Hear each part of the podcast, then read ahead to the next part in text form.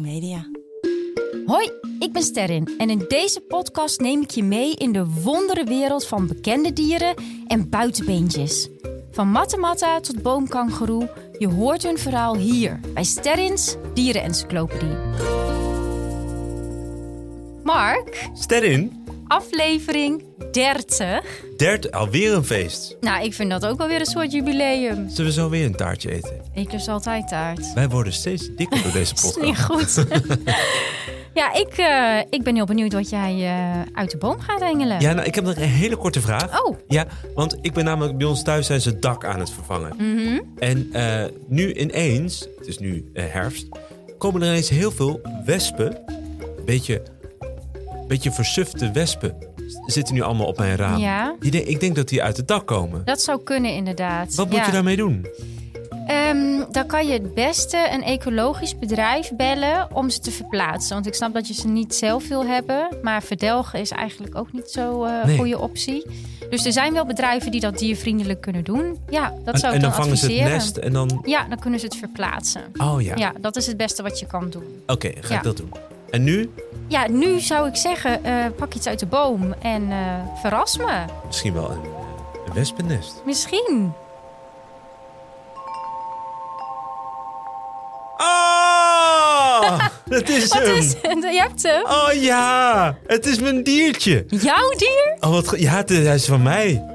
Het- Oh, eindelijk. Ja, einde al. Wat, nou, ik heb hem nog nooit zo Ik gezien. schrik helemaal van jouw reactie. Ja, nou, ik heb, hem, ik, ik heb hem eigenlijk alleen doorzichtig gezien, gek Mhm. genoeg.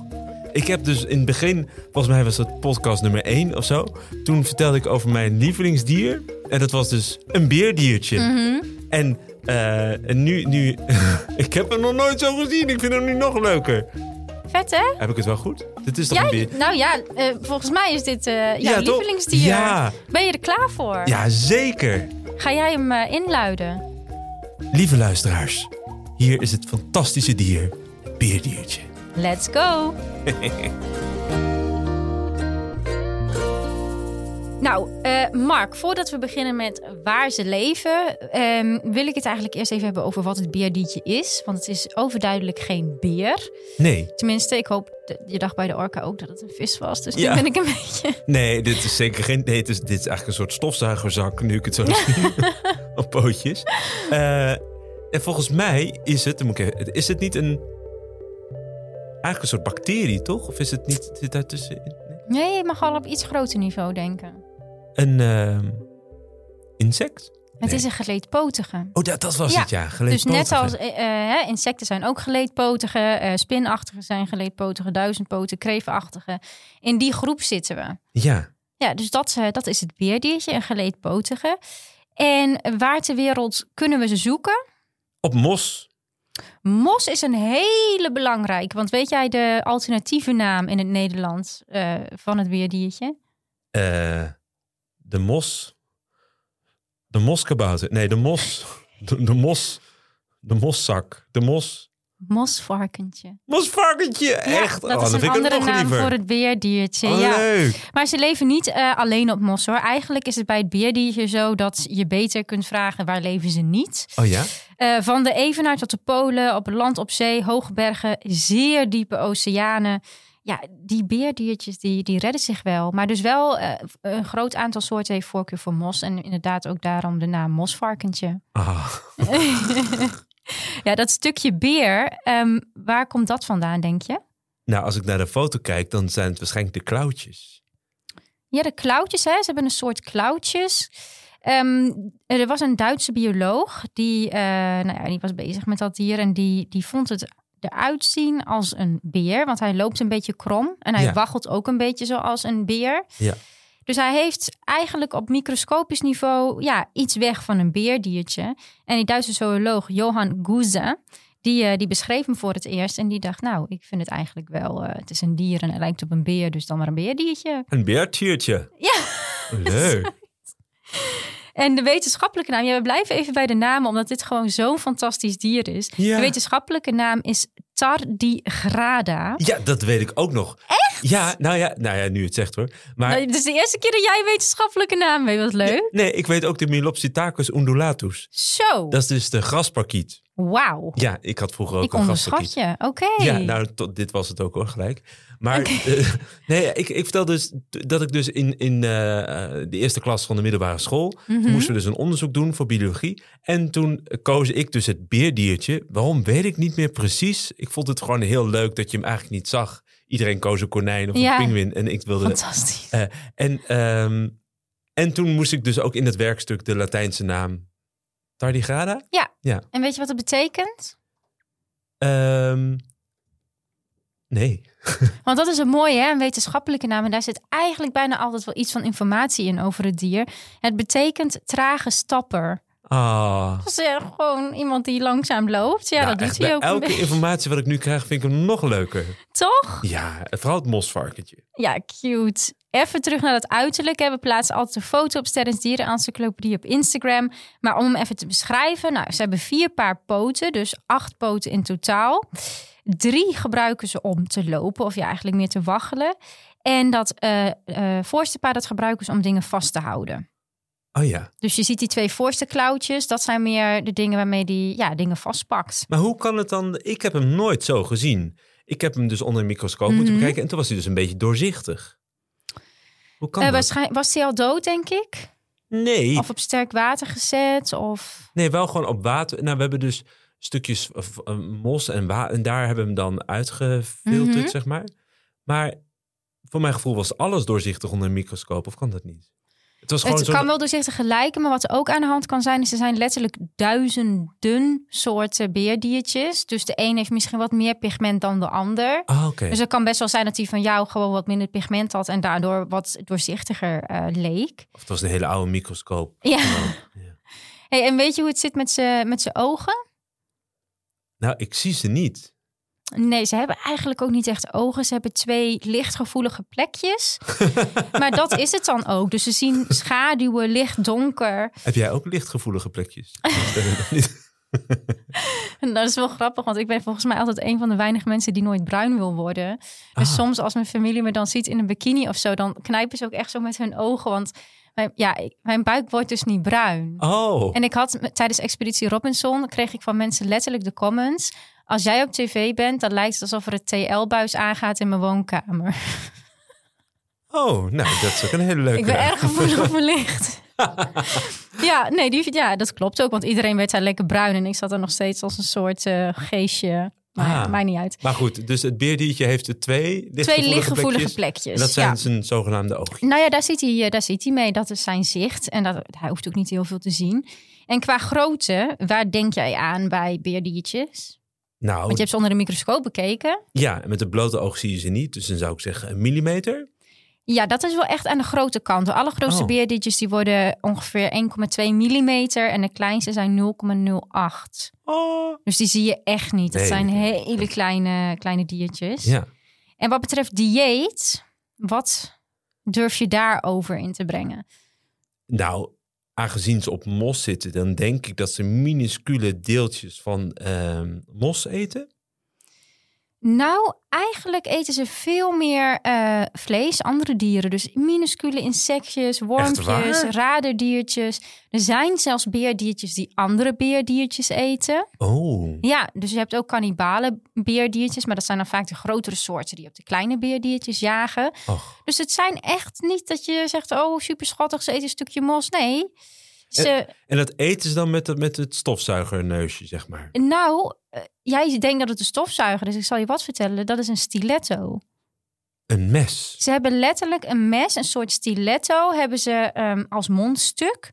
En daarmee steken ze dan hetgene wat ze willen eten. En dan met dat stofzuigerslangetje slurpen ze de inhoud leeg. Nou, ik vind Ja, jij naam- dacht helemaal schattig leuk. Ja. En dit, Oh, ja, nee. Oh, grappig. Ja. ja, dus ehm, ja, ze steken en ze slurpen. Dat is hun manier van, eh, ja, van eten. Ja. En ook wel een leuk feitje over beerdiertjes is dat ze, dat ze blijven vervellen hun leven lang. Oh ja? Om in hun jasje te kunnen blijven passen. Dus eh, net als bij, eh, bij slangen bijvoorbeeld. Ja. Oh, misschien heb ik die wel gezien dan. Het, de vervelling, dat zou ook nog kunnen. Dat zou heel goed. Dat Ja. ik gewoon een heel onderzoek heb gedaan naar de Maar vervelling. bewoog het? Of Nou, nee. Het was, nou, nee. dan gewoon naar de vervelling te kijken. Geeft niet, maar ja. Nou, Mark, als echte eh beerdiertjes liefhebber, beerdiertjes bioloog, Ja? daar is volgens mij nog geen aparte naam voor. Als, nou ja, in principe als je geleedpotige onderzoekt ben je een entomoloog. Dus misschien moet je die kant op gaan. Ja, entomoloog, dat denk ik ook aan. Ja. Maar dan zou je moeten weten dat als jij een beerdiertje in één woord moet omschrijven, dan is het Dan is het flexibel. Flexibel. Ja, ik zou zeggen oersterk, maar dat komt eigenlijk op hetzelfde Oersterk, neer. Ja, ja. oersterk. Ehm, want ja, ze kunnen nogal het een en ander overleven. Ja. Normaal gesproken wordt een beerdiertje nou, tussen de paar maanden en een jaar oud.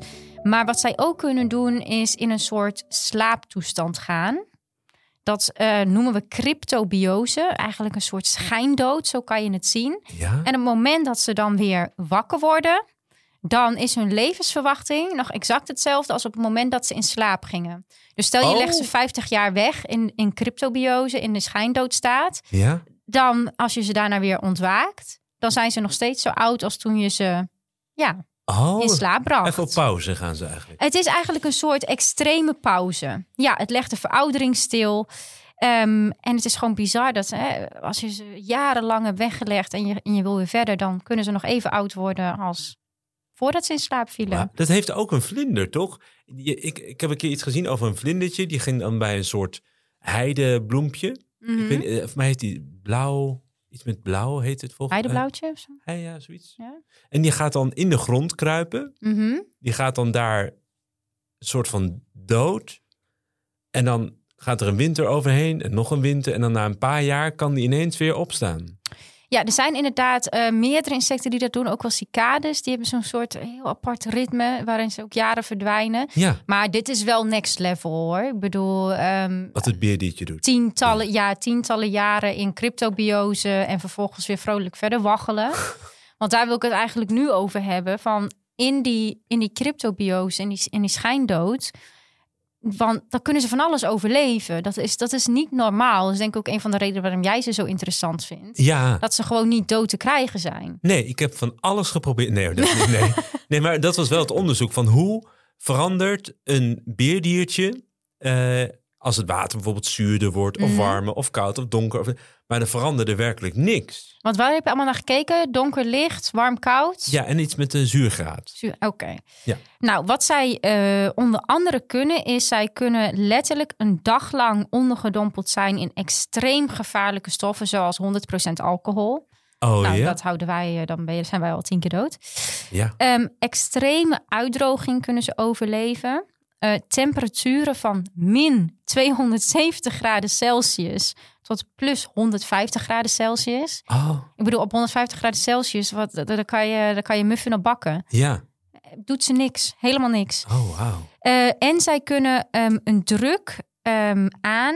eh, we hebben het ook bij de blobvis hè, gehad over druk. Dat is al heel knap dat die op eh 1200 meter diepte kunnen leven. Ja. Maar deze beerdiertjes kunnen een druk zes keer groter dan ja, in de diepzee aan. Wauw. Ja, dat is echt dan. Stel ons het allerdiepste oceaan voor. Stel de druk daarvoor. Er kan bijna al geen dier daar overleven. Doe dat keer zes. Dat is wat het beerdiertje aan kan. Ongelooflijk. Eh, daarnaast ehm, radioactieve straling hebben ze geen problemen mee. Honderden keren zo hoog als dat wij kunnen, ehm, doet ze niks.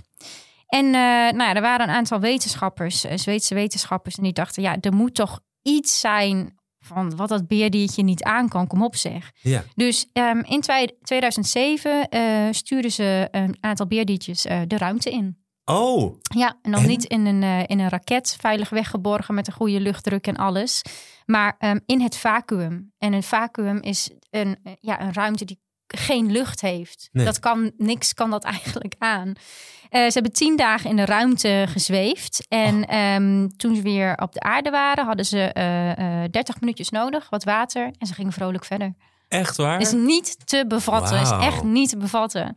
Wonderlijk, ja. En als je je dan ja, afvraagt, is er dan iets wat ze dood krijgt? Nou, het enige... eh, Liefdesverdriet. Ja, gebroken hart. Ja, zoiets. Leuk onderzoek. Nee, waar, waar ze op een gegeven moment echt niet meer tegen kunnen is UV-straling. Ehm, dus ook in de ruimte bijvoorbeeld kan die duizend keer zo hoog zijn als hier. En dat kan wel schade aanrichten. Oh ja. Dus op een gegeven moment, als de UV-straling te sterk wordt, dan, eh, dan is dat niet fijn voor ze. Maar voor de rest, van koud naar warm, eh, lucht of geen lucht, gevaarlijke stoffen, radioactieve straling, prima. Wauw. Is dat bizar? Ja. Ja, ik vind het echt vet. ja. Ik ben eigenlijk benieuwd, wil jij nog wat kwijt over jouw lievelingsdier? Nou, het sluit al een beetje aan wat jij, wat jij vertelde. eh, over dat hij zo sterk is. Want ik had dus dat onderzoek gedaan. Dus Vind ik waarschijnlijk- echt cute. Ja. Ja, onderzoek in de, de, op- de, bi- bij biologie. Op de En- vervelling van een beer. Waarschijnlijk, ja. Daarom ging er ook niks dood. Maar toen, eh, ik, twee jaar geleden was ik ziek. Toen had ik Mhm. kanker. En toen kreeg ik dus allemaal, natuurlijk allemaal troep in mijn lijf. Eh, en toen kreeg ik van die docent, die ik daarna nooit meer had gesproken, stuurde mij een berichtje via de mail met... eh, Hoi Mark, ik hoorde via via dat je ziek was. En ik moest denken aan je onderzoek wat je had gedaan voor het diertje. En dat diertje is zo sterk, dus ik wens jou de kracht van het beerdiertje toe. Toen dacht ik, nou, wat een mooi. Kippenvel van. Ja, lief ja, toch? dat is echt Ja. een hele mooie manier om eh, iemand kracht toe te wensen. Ja, en dat allemaal dankzij het beerdiertje. Dus daarom is het nog meer mijn lievelingsdier. Wauw. Ja.